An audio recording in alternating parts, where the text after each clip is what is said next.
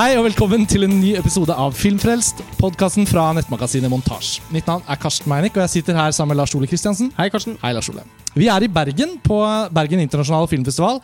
Og denne podkasten blir tatt opp live på Vaskeriet.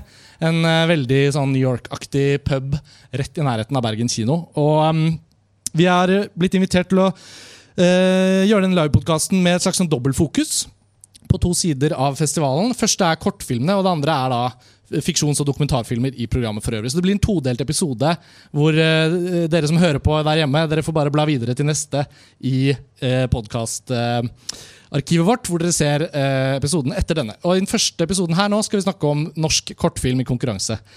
Og det vises jo syv kortfilmer i dette konkurranseprogrammet.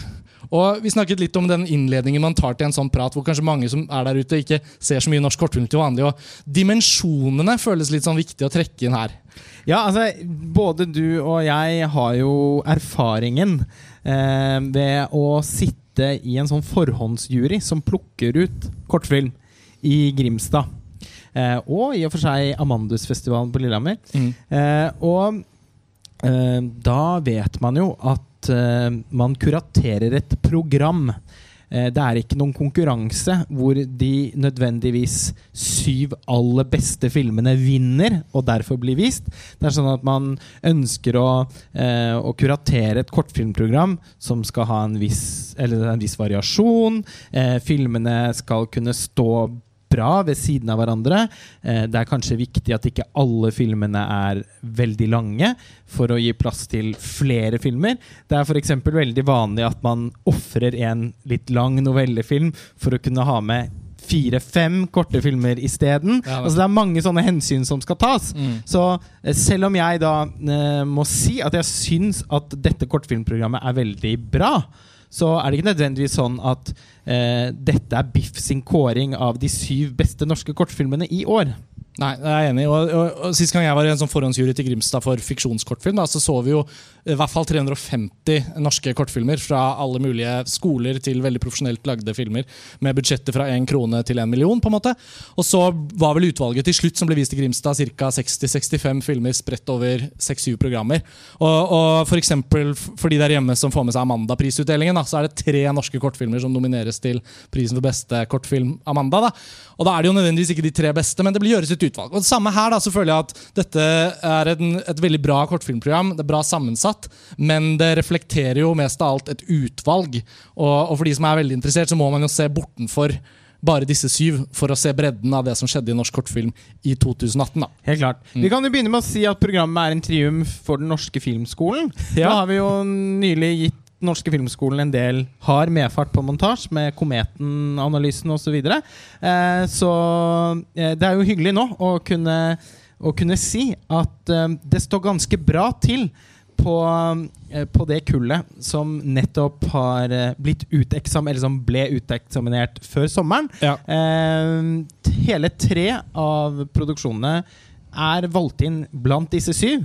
Det ja. må jo sies å være nokså bemerkelsesverdig ja, og veldig bra. Definitivt. altså nå Eksamensfilmene fra den norske filmskolen har utvidet seg til også å være dokumentarer. Så det er jo en sånn gruppe av eksamensfilmer som slippes hver juni når de går ut av skolen, har jo nå utvidet seg fra bare å være de klassiske eksamensfilmene. Mens dette kortfilmprogrammet er jo da fiksjonsfilmer, da, ikke dokumentarer. Så det er tre av de fiksjonseksamensfilmene som er utvalgt. og Vi skal snakke om alle. Vi tenkte å starte med en av de, den som heter Kulturen, mm. som er regissert av Ernst de Geer.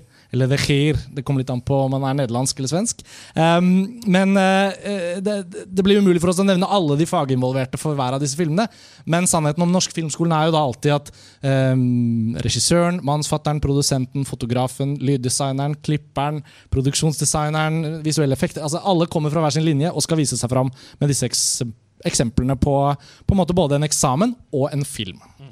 Eh, Lars Ole, kulturen, hva slags kortfilm er det? Ja, hva skal man si? Det er litt sånn søskenkjærlighet i koleraens tid. Eh, den, eh, vi møter en eh, eh en ung mann, spilt av Herbert Nordrum, eh, og hans som, som, jobber åpenbart på et konserthus. Ja, I Gøteborg, i Sverige. et ja. sted. Ja. og så har han en lillesøster som er en ekstremt talentfull orkestermusiker. Mm. Og som eh, har, han har tipset dirigenten om å hyre inn for en konsert. Fordi at eh, en, en av de som Som egentlig sitter i orkesteret, har måttet melde frafall. Ja, og det universet vi i dag trer inn i, er jo den veldig sånn den klassiske, elegante eh, kulturen, får vi si. Fordi Man kan jo ikke se den filmen uten å tenke på valget av tittel. Kulturen føles som en sånn utrolig fin, sånn generaliserende måte å sette et begrep på forskjellen mellom på en måte høykultur og lavkultur, men også i form av mennesker. Altså Hva er et kultivert menneske og kultivert oppførsel versus dyrisk eller ikke-kultivert oppførsel? Og når er det man viser de beste og dårligste sidene av seg selv i møte med ja, ambisjoner, rivalisering, sjalusi etc. Og det, Alt kommer jo til uttrykk egentlig i denne filmen. De pakker veldig mye inn i en lang kortfilm, men kort langfilm. For det er jo en film som kanskje også kunne vært utvidet til å, til å være lengre, egentlig. Ja, altså den, eh, Det som igangsetter eh, en serie uheldige hendelser her, er jo at eh, når Herbert Nordrum sin rollefigur skal finne seg en plass for å nyte konserten der søsteren, søsteren hans skal bidra, så er det noen som har tatt plassen hans. Uh, og han blir uh, forsøker på en veldig sånn høflig og vanlig Egentlig på en sånn helt sånn vanlig, høflig måte å reagere på. en sånn. Uh, unnskyld, du har tatt plassen min. Ja, kan jeg være så Hviske litt så forsiktig. Og så nekter vedkommende som sitter der, å flytte seg. og en vanlig reaksjon da ville kanskje vært å bli veldig provosert, men samtidig bare gå og finne seg et eget sete og kanskje ta den konflikten etterpå. Men det klarer han ikke. Nei, da, da utbroderer seg litt som i en Ruben Østlund-film. At, at uh, det kleine og det flaue uh, henter fram dårligere og dårligere sider av de menneskene som er involvert. fordi det blir, jo rivalis det blir en rivalisering til det punktet hvor det blir som et spill hvor du er dårlig taper hvis du taper, og du er sinnssykt opptatt av å vinne. Ja, Og så viser det seg uh, også at han skal spille litt sånn taffelmusikk under, på etterfesten. På etterfesten og for han er det veldig stort. samtidig som det er helt åpenbart for oss som ser på at det er jo mye viktigere å legge til rette for at lillesøsteren hans, som er en faktisk talentfull eh, altså musiker, får, eh, får en bra opplevelse med den unike muligheten hun har fått å spille i dette etter sigende veldig gjeve orkesteret. Så som man hører når vi beskriver det, så er det jo en sånn, ganske sånn plot-thick kortfilm. Det er veldig mye som skjer her, og vi har ikke gått inn på alt. Og, og, og Hvis man skal vri samtalen litt mer over hvor, hva slags utforming dette er, og hva slags eventuelle filmatiske talenter som er i spill, i og med at det er umulig å unngå å tenke på at det er en film fra filmskolen, så, så syns jeg også at noe av det man får, for sterkt inntrykk av tidlig her i filmen, er at det er en veldig god balanse mellom visuell, altså visuelle fortellergrep, eh, mønstre og, og, komposisjoner som er med å fortelle historien, samtidig som manus er ganske vittig, og du føler liksom at det, er en vilje til å være en historieforteller her, parallelt med at det er noen visuelle ting som fotografen, produksjonsdesigneren og regissøren åpenbart har, har, lyktes veldig bra med. Da. Ja, den evner å både være eh, he, altså, dialogdrevet eh, og samtidig visuelt eh, uttrykksfull. Den um, har en Altså, det er veldig vanskelig å ikke på, tenke på filmene til Ruben Østlund. Mm. Jeg må innrømme at, også, at mine assosiasjoner eh, svingte også innom Jeg tenkte litt på Birdman, bare fordi den har også en sånn derre På et eller annet tidspunkt så blir eh, kulturen litt sånn manisk. Eh, og på, litt på samme måte som enkelte passasjer i Birdman. Mm. Tenkte også i og for seg på Whiplash, men det var kanskje bare fordi at det involverer et orkester ja. og en dirigent. Ja, men, var, men, først og fremst så, så, var det veldig sånn det, uh, åpenbart en regissør som har teft for både verbal og visuell komikk. Ja, jeg er enig. Nei, jeg, den, det satte jeg pris på. Ja, det er en veldig, det er en veldig vellaget film. Og det er jo klart at for kortfilmskapere som lager film utenfor å være liksom en del av filmskolen eller, eller har mottatt liksom en million i statlig støtte, så er det jo klart at man kan jo kanskje sende noen misunnelige blikk i retning av sånn sykt ressurssterke eh, filmskolefilmer. da, For det er jo åpenbart at her har jo alt ligget til rette for Selv om når man er på filmskolen, og jeg har gått der selv, så merker man jo at det føles ikke ut som alt legges til rette. Men når man ser filmer som dette, og et par av de andre programmene, så ser man jo også at når ressursene bygges opp under de studentene, og de får det som skal til, så får jo også da de vellykkede eksamensfilmene får et veldig proft eh, utseende. da. Det er jo sjelden du ser så um, mange sånn money shots. Eller, du føler liksom at denne filmen her er sånn, lagd på sånn høyt budsjett. Ja, men, Fylt opp med statister i alle bauger og retninger. Og der det trengs visuelle effekter, så er det kjempebra gjennomført. Altså, ja, Den det er ganske uvant velprodusert. Virtuos, eh, rett og slett. Ja. Og, eh, sam men samtidig også sånn eh, Så føler jeg litt også at den, at den ordentlig liksom handler om noe. Eh, vi er jo ganske sånn rettshaverske ofte. Eh, vi, hvis vi vet at vi dypest sett har rett i en situasjon, eh, så er det sånn dypt ydmykende å bli misforstått. Og selv om det går, da vil gå utover eh, de re, altså Selv om det da vi bryter med de reglene som den sosiale intelligensen har lært oss, og som vi skal forvalte i sosiale rom, eh, så er det noen ganger at man rett og slett ikke klarer å gi seg. Jeg kjenner meg igjen. altså sånn, hvis jeg, jeg har f.eks. store problemer med å gå tapende ut av en diskusjon som jeg vet at jeg egentlig vant. Eh, og det satte, så Sånn sett så følte jeg meg litt konfrontert. Utrolig nok har vi klart å lage over 300 episoder av denne podkasten, og vi fortsetter. Det er, Ja. det er åpenbart at du vinner, da, ofte. Ja, jeg vinner veldig ofte. Det er derfor det går så greit. Ja, Vi skal bevege oss videre til neste film på programmet, som da ikke er laget på Den norske filmskolen. for å skape litt variasjon. Her er vi over til noe helt helt annet. Dette er en eksperimentell animasjonsfilm som heter Little Boy, regissert av Christian Pedersen. I denne filmen kreditert som Christian P. Er det på vei mot å bli et kunstnernavn? Vi får se. Ehm, filmen er et resultat av det veldig kunstnerisk, kompromissløse og kreative miljøet i selskapet Mikrofilm, hvor det produseres ikke bare veldig mye bra, bra korte animasjonsfilmer, men veldig mange animasjonsfilmer som tar, tar opp i seg sånn sjangeroverskridende Altså At det er dokumentarfilmer som er animert, eller animasjonsfilmer hvor det også er litt live action. Mange forskjellige animasjonsteknikker og sånn. Så det er alltid spennende å se når Altså, man det kan nye filmer fra Mikrofilm. Ja, man kan virkelig si at Mikrofilm er det stedet i Norge hvor det er noen som eh, ja, bortimot forsker på, eh, animas på hvilket potensial animasjon har som kunstuttrykk. Altså, de Altså, hvert år så ser man at de, altså, at de produserer filmer som virkelig er ofte hånd, rent håndverksmessig eller teknisk veldig vanskelig å lage.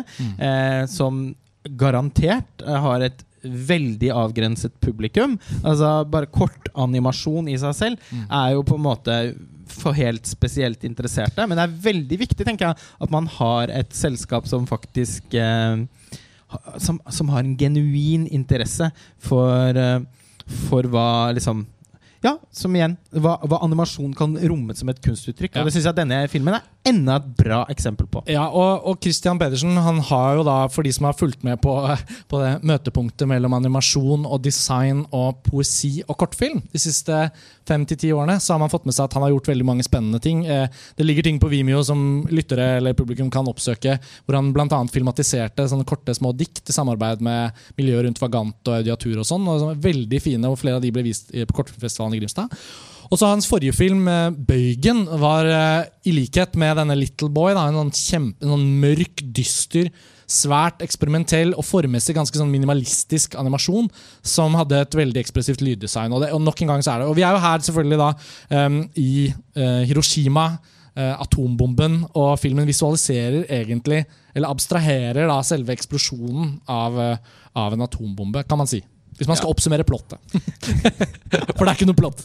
Nei, åpenbart ikke. Men det er jo eh, å håpe å si at det lykkes man jo virkelig med, da. Altså, det er en eh, en virkelig en audiovisuell opplevelse som man kjenner på, på kroppen. Mm. Eh, det er på en måte litt Det er en film som det er vanskelig, syns jeg, å snakke veldig mye om uten å ha eh, regissøren til stede Ja. eh, for å komme med med, med sine tanker om helt sånn spesifikke eh, betydninger. Hvordan man har men, men det er åpenbart at man har forsøkt å fange eh, en, eh, en fø, altså, følelsen av at den bomben eh, eh, ødelegger Mm. eh, utallige menneskeliv. Og, Ja. ja. Og animasjonsteknikk, som vi så vidt nevnte her i stad, også litt vanskelig å ta i, ta i ta, legge de ordene i sin munn med denne filmen. fordi det er jo ikke helt sånn at den føles at alt er nødvendigvis direkte animert eller tegnet, for det er åpenbart blitt tatt i bruk.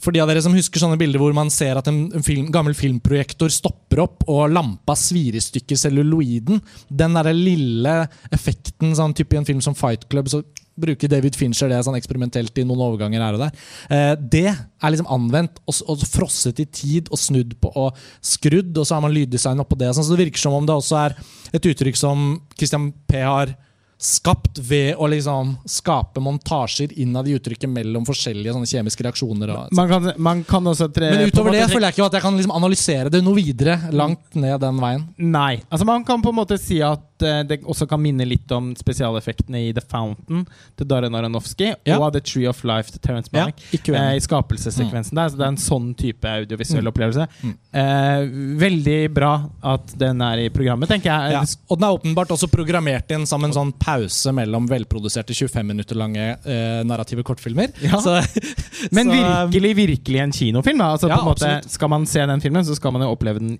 i en kinosal. Skal vi bevege oss tilbake til filmskolen igjen? Ja, jeg syns Eh, det er for lenge siden vi har vært der. Ja. Uh, uh, vi skal over til kortfilmen Shepack.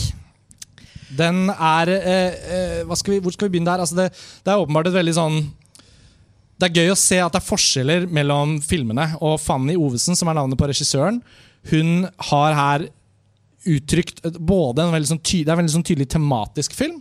Og en film som åpenbart er opptatt av visuelle stemninger og det å være en film. Og ikke lene seg altfor tungt på å skape et narrativ. Da. Og Det er også veldig gledelig å se fra filmskolen. hvor, i hvert fall i min tid, for da ca. ti år siden, så, så er det jo liksom Det er som en sånn derre um, kamp mellom rovdyr på savannen og rømme fra de narrative kravene. Og prøve, Er det mulig å skape noe kunst i bare noen frames? Eh, og da er det jo i hvert fall deilig å se at eh, Ja, men det er sant. Og, da er det i hvert fall deilig å se at i årets kull så er det åpenbart sånn at det fins et rom der nå for at noen ideer og noen filmskaperes visuelle ambisjoner kan få lov å, å, å, å, nærmest låse seg inn, gjøre et innbrudd i bildene og fylle dem med, med noe annet enn bare den klassiske historiefortellingen. Ja, eh, altså Dette syns jeg på alle måter fremstår som en ganske kompromissløs film. Man kan si at den handler om gruppedynamikk eh, og gruppepress, eh, massesuggesjon.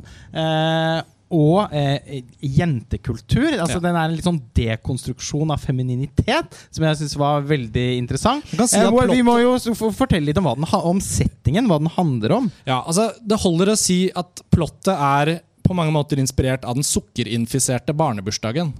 Um, og og hvis, du, hvis alle som har opplevd, enten ved å være storesøsken eller husker sine egne barnebursdager man var med på, så husker man det, følelsen av at i det øyeblikket kaken og brusen begynner å bli fortært, så eksploderer gjerne sånne barnebursdager Det sånn skjer noe oppførsel hinsides det. Altså, det skjer noe med barn i en bestemt alder i den settingen. Altså, de blir til monstre.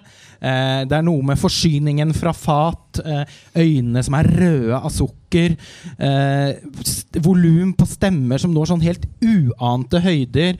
Eh, og all sjenanse og sånn legges ofte helt til side. Altså person, og, og nå tenker jeg særlig på jenter, som eh, gjerne kan være liksom så Fremstå veldig sånn høflige, til og med pertentlige i en annen setting. Blir plutselig helt annerledes. Ja. Eh, utrolig hva marsipan og krem eh, og, og tropo kan gjøre med et lite menneske. Ja, og det blir som en igangsett det blir som en igangsettende hendelse her. da, fordi at jeg tenker jo at, at Man trenger ikke så mye mer for en film som denne. da, Nå har jo vi sett den, og vi vet hva slags bilder vi, vi fikk se. vi skal prøve å beskrive de også. Men hvis man tenker på plott og hva, sånn, hva handler den om, så er det bare det. Altså det, er, det er utgangspunktet, føles det som. Hva skjer, og hvilke dynamikker kan skildres dersom man tar utgangspunkt i en slik barnebursdag. Og denne barnebursdagen er jo ikke da bare liksom rundt et bord og, og med konfetti og noe kake og sånn. Den er også satt til et svømmebasseng. Så det er på en måte sånn diskobasseng-barnebursdag. Litt sånn, sånn konseptbursdager på 90-tallet hvor noen en i klassen min kanskje som turte å invitere til McDonald's. Ja, fordi vi gikk på Steinerskolen, så det var veldig, veldig skamfullt med de som hadde barnebursdag på McDonald's. Men eh, i hvert fall Det var mer sånn dukketeater og sånn hjemme hos meg. Men eh, var, det, var det så morsomt? Her, her på bassengbursdagen For meg var det liksom en ikke-realistisk setting. da Jeg tenkte sånn, Er det mulig? Går det an å feire barnebursdagen i et basseng? Og underveis i filmen så får vi også se at det er vanlige folk til stede på til stede på, i dette bassenget. Lars Ole, for å bringe deg tilbake fra latteren. Altså, den balansen rykket det litt ved for meg i starten av filmen. Altså, jeg tenkte på at de fleste filmer tar utgangspunkt i en viss form for sånn realisme som gjør at vi får en vei inn, og så kommer abstraksjonen deretter, eller, eller galskapen som forløses. Sånn. Men ganske tidlig her så ser man at det er en barnebursdag på et basseng, og det, det er disko og det er masse slow motion, og man, man tas definitivt inn i et sånn kunstnerisk behandlet univers. Men likevel så er det jo da andre voksne mennesker som er på, på badet for å ba, sånn gravid kvinne som svømmer rundt, menn i badstuen og sånn. Og jeg kjente litt på at jeg måtte venne meg litt til at det var aksept for at denne barnebursdagens uh, litt sånn Dionysos-aktige villskap fikk lov å finne sted helt uten kommentar fra, Ja, men jeg tenker at vi ikke oppholder oss i et sånn veldig det, Selv om det er noen veldig autentiske eh, menneskelige trekk som skildres, så tenker jeg at filmen er ganske tydelig på at den er stilisert, eh, og at det er et litt sånn surrealistisk fiksjonsunivers. Eh, og eh, noe av det som gledet meg som, som jeg gledet meg over, var at den var ganske overraskende. Vi blir til å begynne med liksom posisjonert sammen med en jente som føler seg litt utenfor. Mens de andre står og danser og har, har det fantastisk, så er hun litt sånn undrende og skeptisk. Mm. Eh, og da hadde det vært veldig typisk at det var liksom en, en, en film om en som er utenfor. Mm. som men så blir det ikke helt sånn eh, Når de setter seg for å spise sjokoladekake, eh, så tar denne eh, litt sånn den, hun som er på en måte litt utenfor, hun tar seg da et spesielt stort stykke av den sjokoladekaken. Altså, hun tar et fire ganger så stort som normalt stykke. ja, det ser ut som det stykket Bruce Bogtrotter eh, får tildelt i Matilda, når Mrs. Trunchbull skal tvinge ham til å spise sjokoladekake. Sånn enormt stykke. Ja, og de Eh, andre barna reagerer selvfølgelig umiddelbart. eh, reagerer med en sånn Åh, men det skulle jo være til alle. Det er ikke lov. Nei, altså eh, Men så istedenfor at det da blir en sånn der utfrysningssituasjon, så ender en av de andre jentene med å synes at det var litt sånn punk. At hun tok et så stort stykke, så hun tar også et kjempestort stykke sjokoladekake. Og så blir det sånn at alle gjør det.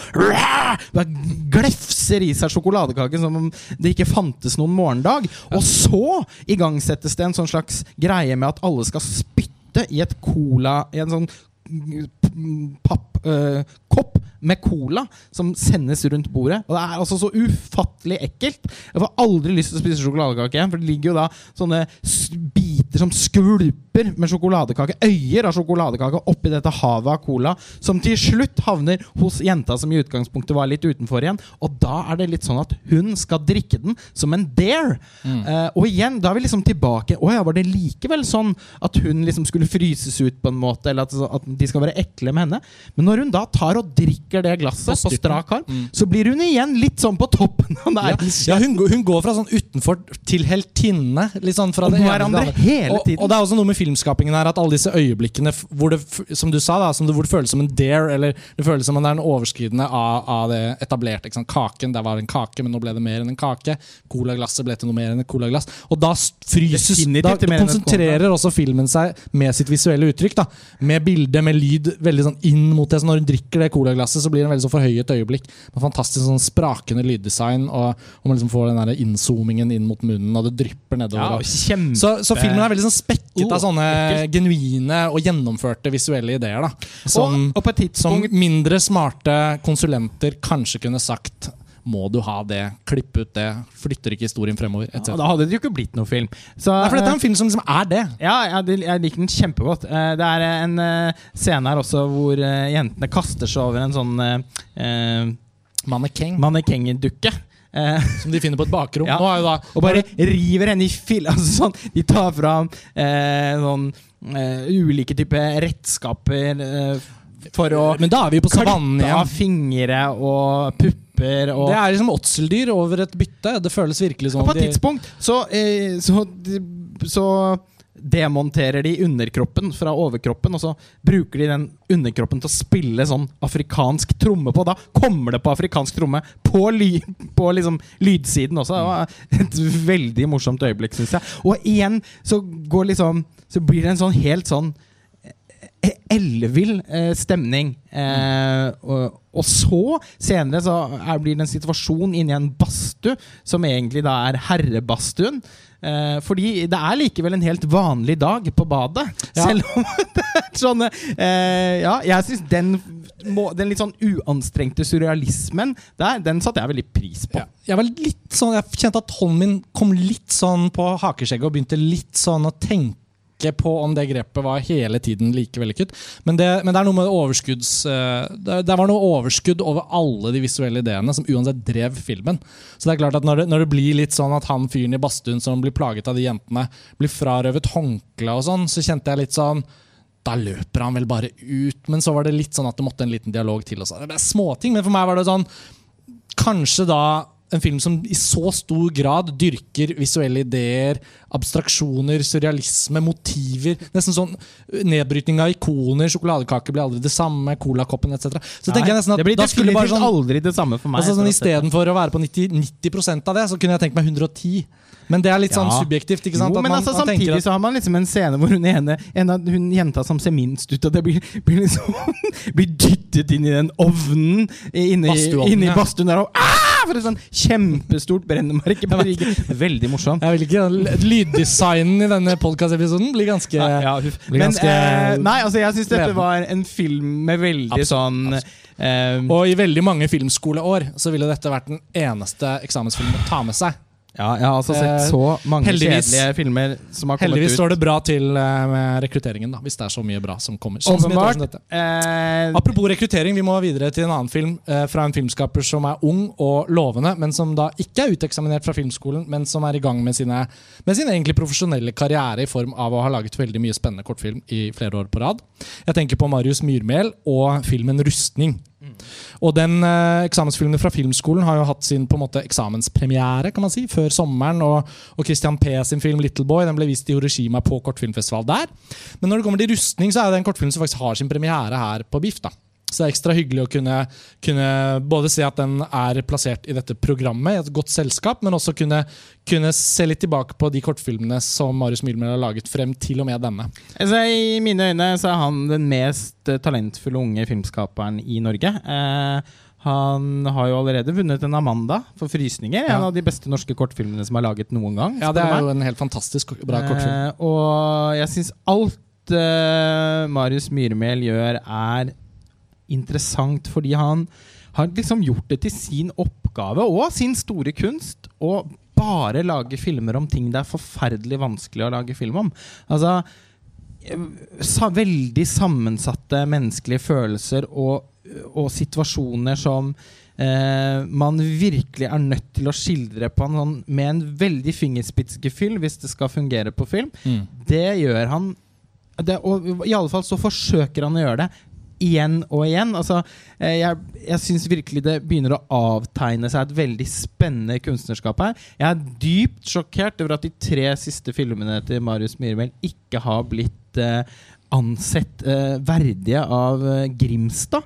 Altså Nå har han laget tre filmer som ikke han, altså, eh, Den forrige filmen han hadde i Grimstad, var 'Frysninger', som Mm. vant Amanda. Mm. Jeg kan ikke fatte og begripe eh, hva disse juryene har holdt på med. Eh, alle har vært, i mine øyne i hvert fall, vesentlig mer interessante enn veldig mange andre norske kortfilmer som jeg har sett både der og andre steder. Ja, altså, hadde, få sagt det. ja, og hadde ikke du fortalt meg det, så hadde jeg nesten ikke trodd altså, sånn. det, det er veldig rart. Og jeg tror enhver person som setter seg ned og ser rustning, om det er her i, på Biff i programmet eller senere, hvor den skal sikkert vises her og der, og kanskje til og med kommer på NRK eller Aftenposten som viser kortfilm på nett, og sånn, så, så det er noen kvaliteter i denne filmen som er så ubestridelige at det blir vanskelig å liksom, ta det seriøst. Men uten å diskutere for mye av den, det, det valget som ble tatt av disse forhåndsjuryene som ikke tok med denne filmen, så er det i hvert fall ingen tvil om for meg at det rustning um, har som et mål, kan man si, da, eller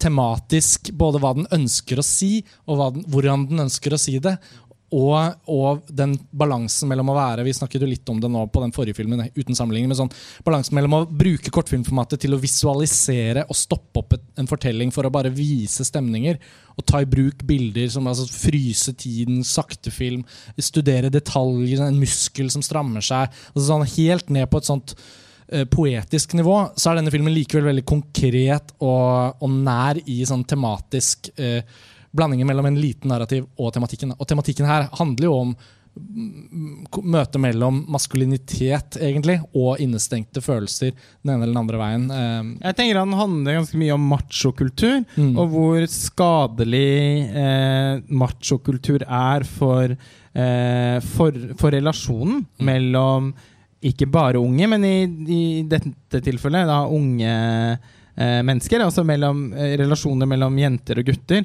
forverres av, av, av at den machokulturen eksisterer. Eksempel så ser man at eh, gutter objektiviserer jevnaldrende jenter for å demonstrere maskulinitet overfor hverandre. Mm. Eh, det er jo en tematikk alle er kjent med. Alle som har gått på skole, vært i en klasse, eh, vært i den alderen som de i filmen er, vil kjenne seg igjen i de problemstillingene og de situasjonene som mm. Eh, Marius eh, skildrer. Mm. Men, eh, og, men, men, jeg syns det er eh, Jeg syns han lykkes med å, å på en måte mm, sakte, men sikkert eh, la den La temaet altså, bli ganske tydelig. Mm. Men uten at det sånn Jeg føler ikke at filmen umiddelbart introduserer seg selv som noen sånn temafilm. Det kunne blitt eh, kunne både blitt kjedelig og litt sånn påståelig.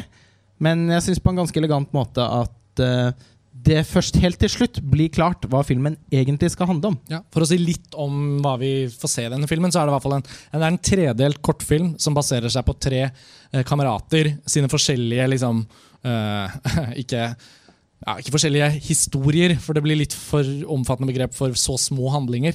Men de tre kameratene som både har sine indre stridigheter og, og, kanskje ikke nødvendigvis er så kjærlige med hverandre eller vennskapelige med hverandre, de har likevel et sånt miljø hvor de på en måte ser hverandre i lys av seg selv og, og ser seg selv i lys av de andre, og at det hele tiden er en sånn speiling mellom hvordan man fungerer innad den kameratgjengen for å bli akseptert og for å være på plass. Da. Så da følger vi en og en av dem i deres hverdagsliv. og så overlapper fortellingene av og til, og de er liksom av og til til stede i hverandres historier. Da. Men jeg er helt enig i at ikke bare mot slutten av filmen, men i den tredje av disse tre på en måte, kapitlene så kommer kanskje filmen mest til sin rett ved at både tematikken blir mest mulig krystallisert, men at det er også en veldig sånn, sterk sekvens, nettopp fordi at egentlig også fordi, mest fordi at i den historien så er det også en jente som spiller en veldig sentral rolle.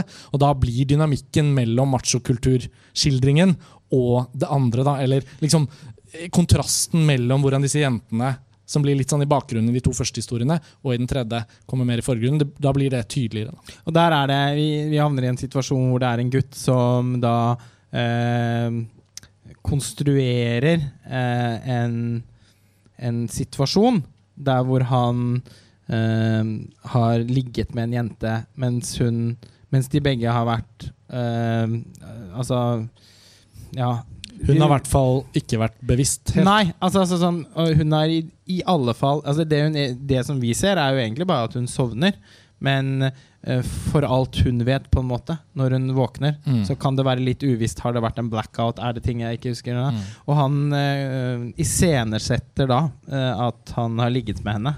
Så skal vi ikke gå noe mer i detalj, fordi jeg tenker at det vil ødelegge litt hvis man faktisk ser filmen. Mm. Men det igangsetter eh, eh, noen Altså, det, det, springer noen andre situasjoner ut av dette her, som på en som, som, også da syns jeg forteller noe om hvordan sosiale medier har endret måten unge mennesker kommuniserer på. Det er jo helt åpenbart da, at mm. det har det. Men jeg syns eh, eh, jeg, jeg syns virkelig at man får en altså sånn, Jeg satt igjen med en sånn usigelig trist følelse etter å ha sett Rustin. Han lager jo veldig triste filmer. Det må man jo si. det må eh, sies. Men, men, de er sterke, og de, de, er veldig vanskelig å riste av seg. òg. det er jo en bra ting, selvfølgelig. At man kan bruke Gjennom å se disse filmene til Marius Myrmel så har jeg i hvert fall en veldig sterk følelse at han, han klarer å etse inn i tilskueren en nærhet til en tematikk som mange av oss håper å aldri oppleve, men som man kan ta i bruk for å kanskje forstå uh, uh, sånne hendelser i bedre grad. Altså det, det, det, frysninger sier om incest, f.eks., ja. uten at man trenger å ha opplevd det selv, er en nærhet til noe vondt som kanskje bare blir en overskrift eller som er et innslag på Dagsrevyen. Sånn at, uh, og samme måte her så tenker jeg sånn for min del, når jeg er blitt 35, jeg skal aldri være liksom en ung fyr med kamerater lenger som strever med sånn og sånn. Men likevel så fins det den kombinasjonen av at du ser et sånn type skildring og kjenner deg igjen, parallelt med at du ser at det er noe ungdommer i dag opplever som vi slapp. Mm. Som er dette evige nærværet av et kamera, et mobilkamera, målingen av hvordan du ser ut. Dokumentasjon, hvordan den kan bli manipulert. Eh, og, Ja. altså, og videreformidlet. Ja. Altså sånn eh, Og ja, og man, man sitter igjen ofte etter å ha sett filmen hans og tenker at dette her burde liksom vises fram.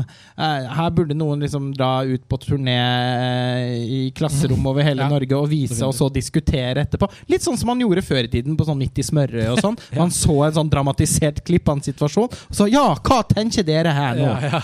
Altså, alltid Hvordan følte du det? Og jeg har alltid opplevd Midt i smørøyet som en veldig positiv referanse, hvis man kan trekke det inn noen ganger. Eh, og det rare er jo at det er jo så gammelt nå at det er mange som kanskje ikke skjønner hva vi mener når vi snakker om Midt i smørøyet. ikke sant? Så det er sånn, ja, det var et ungdomsprogram på 90-tallet som ja. Ja, Eh, vi får komme oss videre. ja, vi må det. Eh, Men det skal sies at alle filmene er det er et veldig rikt program, også i den forstand at hver film er såpass rik tematisk, i hvert fall flesteparten av dem, at man egentlig kunne snakket lengre eh, om eh, biter av filmene. Men vi skal nå en gang snakke litt om alle. Um, ja, det er litt lenge siden vi har vært på filmskolen, er det ikke det? Jo, vi får jo. kjøre til Så vi Lillehammer igjen. får tilbake til Lillehammer. Uh, vi skal snakke om kortfilmen 'Gjeteren'. Og Det er også da en eksamensfilm fra det samme kullet. Og, og det skal sies at vi, vi, vi gjever oss jo ofte opp over å kunne uttale regissørnavn med en ytterste perfeksjon, om det er Apichatpong Virasetakul eller, eller Penekratan eller noe sånt. Og jeg skal prøve meg med å si at denne filmen er regissert av Proa Wahapur. Og jeg vet ikke om jeg traff presist, men det er i hvert fall en, en eh, ny regissør som har kommet ut av norske filmskolen. Han har tidligere også gått på filmskolen i Kabelvåg. Og um, filmen 'Gjeteren' det er jo en av de eksamensfilmene som ikke er 25, men som er 17 minutter. Og det er av og til veldig sånn Før man har sett dem, så blir man alltid litt lettet over Åh, åh, den må være litt sånn stram og godt fortalt, den da, når den klarer å ikke være 25, men isteden er 17. Dette er jo selvfølgelig helt, eh, helt eh, Det speiler jo tilbake på min egen eksamensfilm, som jeg satt og klippet og tenkte den må være under 20, den må være under 20, den må være under 20. Lange kortfilmer er en sånn vanskelig sjanger, og, og dette føler jeg er en eksamensfilm som klarer å være veldig sånn en kortfilm. Jeg føler Utgangspunktet, plottet vi skal snart, Du skal få æren av å beskrive hva det er vi får se i den filmen, men dette er sånne ideer som passer utrolig godt for kortfilm. En sånn ekte kortfilmidé. Ja. En familie kjører eh, langs en vei. Det er snø. Det er snø. Eh, de er kurdiske. Eh, Kanskje de har kommet til Norge for sånn 5-6-7-8 år siden. Ja, Barna kan veldig bra norsk. ja. Faren ikke. Nei. Eh, det er på en måte et, litt et premiss eh, for filmen at han fortsatt uh, bare snakker kurdisk. Uh, og når barna snakker norsk, da, så har han, er det ikke alt han forstår. Mm. Altså Marcus og Martinus, ok. Det, var, det er en veldig sånn søte detaljer der. Uh, men han kjører da på et rådyr. De skal til et bryllup Ja. og kollidere med et rådyr. Og så blir det veldig viktig for han at, at de ikke bare Først så tenker han at det mest humane på en måte for dyret vil være å ta livet av det. Fordi det er åpenbart hardt skadet. Men så idet han ser dyrets familie på nesten sånn Disney-aktig vis komme Mm. fram i snøen og skotte på han De lager sånne rådyrlyder òg. Jeg vil ikke prøve meg, men det er noe sånn Nei. What does the fuck say? eh, men Men når han ser de rådyrene inn i øynene, i hvert fall, så klarer han ikke lenger å, å skjære av halsen på rådyr han har overkjørt med, altså, som har blitt kjørt over av bilen. Og Derfor må de tilkalle eh, en veterinær, og de må kjøre bilen på en sånn slags vet veterinærlegevakt. Mm. Eh, og han, for han er da hele poenget med å gjøre det at dyret skal overleve. Mm. At noen skal strekke seg, strekke seg langt for å berge livet til rådyret. Og så blir han da møtt av en eh, veterinær som på en litt sånn tørr måte kommer ut og forteller at ja, det var beklageligvis ikke så mye vi kunne gjøre. Vi måtte sette en sprøyte, og nå sover dyret. Denne, det plottet du beskriver nå, altså sånn, hendelsen er veldig sånn egnet for å skape noe i kortfilmformatet. Jeg synes Det er et veldig sånn godt valg av uansett hvor den ideen kom fra. Da, men vi har i hvert fall et, et manus her og en film, ferdig film som, som signaliserer at her har det vært et, At man har tillit til at den ene ideen en familie i en bil som kjører på et rådyr, og faren ikke vil avlive det. Han vil ta det til veterinæren. Det er egentlig hele utgangspunktet. Det ville ikke vært nok for en spillefilm. Men, men, men man ser ofte kortfilmer som har ideen til en spillefilm, men så har det ikke vært penger til å lage en spillefilm, så de har laget en kortfilm, og så føler man at alt er sånn unødvendig komprimert. Dette er veldig her- sånn ren fortelling. Ja, og det, Varigheten er veldig perfekt. Veldig sånn fin fortellerrytme i denne kortfilmen. Og den har tatt i bruk vinterlandskapet og det menneskelige ansiktet til å lage en form for poesi innen rammene av et narrativ. Og, og så er det en film hvor tittelen eh, eh, gir filmen Altså, tittelen er en inngang økt mening. ja, til hva Ja. på en måte filmen handler om. Ja. Vi skjønner at han eh, fra tidligere i sitt liv har hatt har, har kanskje jobbet med dyr, vært Mm. tett på dyr. Eh, ingenting av det blir forklart, det er veldig fint, det bare ligger der Mm. som en sånn undertone. Men eh, vi skjønner at det ligger noe mer bak at han eh, har veldig vondt for å akseptere at, eh, at det dyret ikke skulle overleve. Ja, og jeg, jeg, jeg opplever at det hadde vært så lett for en film som dette å gå til et sånt ja, Og så skal vi ha et flashback til han som barn. Eh, liksom. Eh, eller som ung gjeter i fjellene. Ja, og Det hadde kanskje ikke vært feil, men det føles som om filmen vinner veldig på at den har tillit til at vi kan danne de bildene selv. Og at eh, liksom, spennet mellom tittelen og den lille handlingen eh, egentlig fyller kortfilmen med mer innhold. Jeg synes Det var en veldig heldig eh, balanse der. Ja. Og, og jeg syns det er ganske fint spill også innad i denne familien. Og jeg tror veldig mange som har, som har prøvd å, å, å lage film hvor ikke sant, eh, representasjonen av en spesifikk etnisitet, hvis det er en familie som har kommet fra et annet land og bor i Norge, så er det kanskje ikke like stort utvalg av skuespillere. Så må man kanskje gå mye mer sånn Om ikke streetcasting, så må man inn og, inn og finne de menneskene som er i stand til å gjenskape den troverdigheten. da parallelt med at de kan være i en film og gjøre en god rolle i en fiksjon. Og, og, og jeg synes det var veldig heldig for denne filmen også at instruksjonen åpenbart har klart å finne den stramme, eh, kritiske eh, hva skal man si, kritisk sans til en form for sånn profesjonalitet. At ikke det blir sånn alle har improvisert og de er helt autentiske og de skal bare holde på. Det var ganske sånn disiplinert. Ja. eh, Jeg er helt enig. Jeg tenker at det er en veldig sånn jeg, Personlig syns jeg ikke den var overveldende spennende. Eh, altså Bare fordi at den ikke engasjerte meg personlig. Det var ikke nok synt. Nei, men altså sånn. Det var eh, sånn Verken emosjonelt eller intellektuelt så ble det en sånn eh, film som jeg kjente for å dykke veldig inn i, som kanskje var tilfellet litt med særlig den eh, Skipack. Sheepack. Mm. Eh, men det er åpenbart en veldig sånn selvsikker, vakkert laget eh, kortfilm. Mm. eh, som, eh, som også da til å, Og man skal jo da også huske på at det er en eksamensfilm. Mm. Så på et, og i den konteksten spesielt, på et veldig høyt nivå. Ja, og jeg tenker jo at i den grad man ikke har så veldig mye bra eh, Altså, norsk film eh, er fortsatt veldig hvit og norsk. Og det lille vi har av, av hva skal man si, nesten sånn diaspora-film, da, har jo faktisk den norsk-kurdiske filmskaperen er jo nå representert av enda, en, eh, enda et talent. da, altså Vi har jo Hisham Saman som gikk ut fra filmskolen tidlig, og han har laget i hvert fall to spillefilmer. Og han er jo tilbake og er lærer, tror jeg. i hvert fall, Han har vært det i en periode på filmskolen. Og så har vi Halkaft Mustafa som lagde El Classico sist. Så det er jo liksom påfallende at eh, norsk-kurdisk eh, fortellertradisjon. eller det er liksom en, en, det er staket ut litt mer enn bare én filmskaper der. Og når man i tillegg har Iram Haq som forteller sine historier med så stor suksess som de har gjort med Hva vil folk si, syns jeg det er veldig oppmuntrende å se at liksom, vi har filmskapere på gang som kan hjelpe norsk film, og ikke være så snøhvit eh, som den kan stå i fare for å være. Da. Så jeg tenker jo at her har vi jo mye å glede oss til, håper jeg. Ehm, vi får gå til de to siste filmene på programmet. Vi har spart litt, to litt, litt kortere filmer til slutt. Eh, den, eh, den nest siste er en film som heter Kvist. Som er eh, ikke signert av én spesifikk person, men som er laget av en gruppe som kaller seg Det sporadiske filmkollektivet.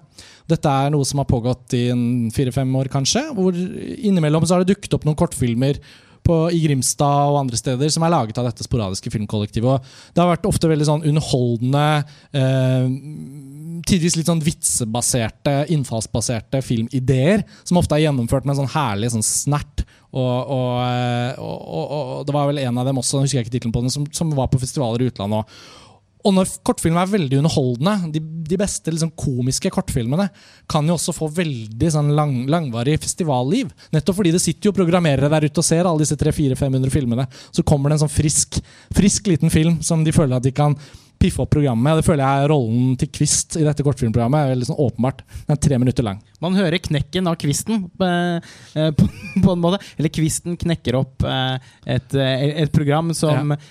ellers Ja, med et par hederlige unntak. Det er ganske sånn Alvorlig. alvorlig, ja. Mm. Eh, og det er en fin funksjon for den filmen å ha. Jeg må innrømme at jeg sliter litt med å si så veldig mye mer om den. Den er på en måte en, en vits. Ja, hvis man om en, noe- en godt fortalt vits om en dårlig date. Og hvis man sier mer, så er på en måte filmen litt ferdig. Ja, eh, vi snakket om det i forkant. Jeg sa ja, vi må si hva den handler om. Så ja, På de tre minuttene når man skal se den, så er det gøy å ikke vite hva man skal det se. For ellers så har man på en måte sett det. Um, Men den men er overbev si overbevisende spilt, den er ganske, og, Og- dessuten ganske fint fotografert. Så det er, det er, den, det er en god film i sin sjanger. Ja, og den har en fin rytme. og jeg er måte, det, det, er på en måte, det er bare å se og kose seg med den lille filmen der. Og, og uh, tittelen og humoren som spilles på i repetisjon og i, i liksom punchlines det er ikke bare bare å få til heller. Så, så innenfor det å ikke kunne si så voldsomt mye om den, så føler jeg at ikke, Hadde du sett den ideen på et ark, så er det ikke sikkert den hadde vært mulig å gjøre så mye bedre enn den har gjort her. nei, men det tror jeg nok ikke. Så da på gåtefullt vis så kan vi si at dette er da en film dere må se. Eller dere skal se hvis dere skal se dette kortfilmprogrammet i Ja. Bergen. Um, den siste filmen er en film som heter Mobil. Uh, regissert av Truls Krane Melby. Melby? Melby, ja. Og eh, det, det er en kortfilm som vi har hatt et litt sånn langt forhold til. Fordi den ble vist på blått lerret i Oslo eh, før jul i fjor. Eh, hvor vi gjorde et lite intervju med Truls på scenen. Så Det, en sånn, det føles ikke helt som en sånn ny kortfilm, eh, men eh, ikke desto mindre kult å se at den fortsatt er levende på festivaler og blir vist her. Eh, hva Absolutt, og det, er en- film som fortjener om? bli, å bli vist på kino, tenker jeg, fordi den er så visuell. Mm. Den er skutt i Academy Radio. Eh, den, har, eh, den utnytter grensesnitt fra mobiltelefoner og chatteprogrammer og sånn på en veldig fin måte. Altså eh, det, det blir på en måte en del av filmens poetiske uttrykk. Eh, den utspiller seg på et innmari vakkert sted eh, i Nord-Norge. Eh, så man, den er også på en måte et sånn, nesten en sånn postkortversjon av, eh, av Norge, som filmen spiller på. Fordi eh, når den forteller oss eh, Filmen har på en måte eh, flere locations. Den har én location som vi får oppleve visuelt, men så har den flere locations som vi får oppleve via telefon. Mm. Og de blir annonsert i sånn klassisk sånn postkortfont øverst i bildet over disse praktfulle bildene av norske naturlandskaper. Veldig eh, fint grep. Ja, og det er også en kortfilm som Nå tror jeg du må fortelle hva filmen handler om. Ja, ja, kanskje jeg får fortelle hva den handler om. Eh, Nei, men det, bare for å kort kommentere på det, at vi har jo vært innom det nå på et par av de andre, òg, at jeg syns det er så deilig å se filmskapere som lager kortfilm med forståelse av hva liksom egentlig det er for slags fortellerformat. Fordi det er veldig lett og, og jeg forventer ikke at alle lytterne våre er opptatt av kortfilm. Det er jo et litt snevert filmformat, og, og det er mange man er vant med det fra filmskoler og liksom i rekruttering, talentutvikling. altså som skal lage kortfilm, og så kan du lage noe ordentlig film etterpå. Men det er jo også sant at kortfilm er sitt eget poetiske og narrative format, som kan utnyttes for det det er. Og mobil skriver seg veldig inn i det på en svært god måte. At den, at den på ingen måte trenger å være noe mer av en film enn det den er. Fordi den er en kortfilm, og den er det med stor grad av bevissthet, så, så, så, så fyller den det formatet med blandingen av narrativ og poesi, og verdien av liksom å etse inn noen sånne bilder for å si noe om noe. Og tematikken her handler jo om det å være flyktning, blant annet. Altså, det er jo sentralt. Han, hovedpersonen, nå husker jeg ikke navnet hans, men han er kommet til Norge, og han er i jeg tror det er vel i Lofoten, er Svolvær, eller? Og det er liksom det er noen utrolige omgivelser, men han har samtidig denne mobilen, eller han har denne kontakten med sin familie, eh, som til enhver tid spiller inn i de situasjonene han er i. Da. Og helt i starten av filmen så får man en sånn Det er vel noe sånn gammelt sånn skolekart, hvis ikke jeg husker feil, som dras ned, og vi får den liksom sånn ja, nå skal dere lære om Norge. Hit har dere kommet. Eller mange av dere er fra forskjellige land rundt i verden. Det er liksom en sånn veldig sånn Det er et gammelt kart. Her står det Jugoslavia. Ja, det er ikke helt Så det er noen sånn morsomme eh, Og han kommuniserer jo da med sin familie fordi at eh, de også skal flykte. Ja. Eh, og flyktningeruten skal stakes ut, men det er eh, en stor økonomisk utfordring å få samlet penger til de som fasiliterer disse eh, Fluktene, holdt jeg på å si. Eh, bakmenn som skal profitere på andre menneskers eh, lidelser. Eh, og, og som Altså, den Og så går jo ikke filmen dypt inn i noe av dette, eh, fordi det er på en måte heller ikke poenget. Det er bare en, et lite utsnitt av eh, hvor hvor, liksom, hvor sammensatt det er å stå i en sånn situasjon.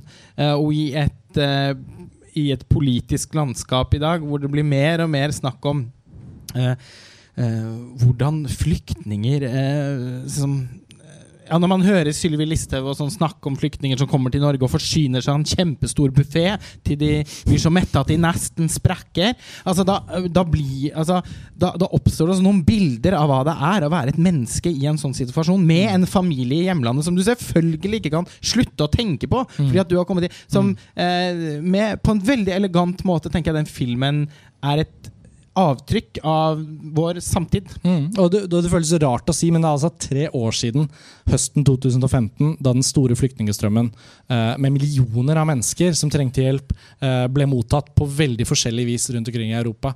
Eh, jeg tror nok Angela Merkels eh, ettermæle vil huske på replikken 'Dere er velkommen i Tyskland'. Eh, og Sverige, som også tok imot så mange. Og så er det andre land i Europa, som Ungarn, står jo ikke sånn dødsbra igjen med en del av de motivene vi husker fra, fra den høsten og vinteren. Og Da er det også fint å se politisk bevissthet hos en filmskaper. Da, at Viljen til å fortelle om dette og, og, og, og prøve å finne et uttrykk for det i en film som, som, denne kortfilmen 'Mobil'.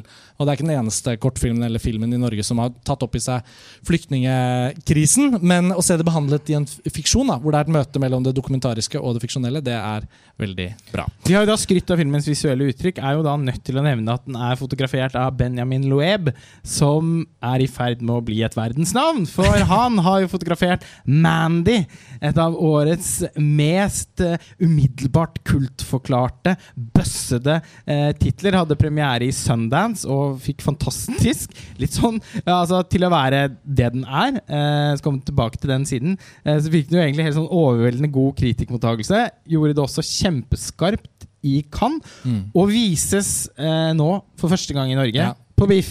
Vi skal jo inn på den litt sånn i del to av denne livepodkasten.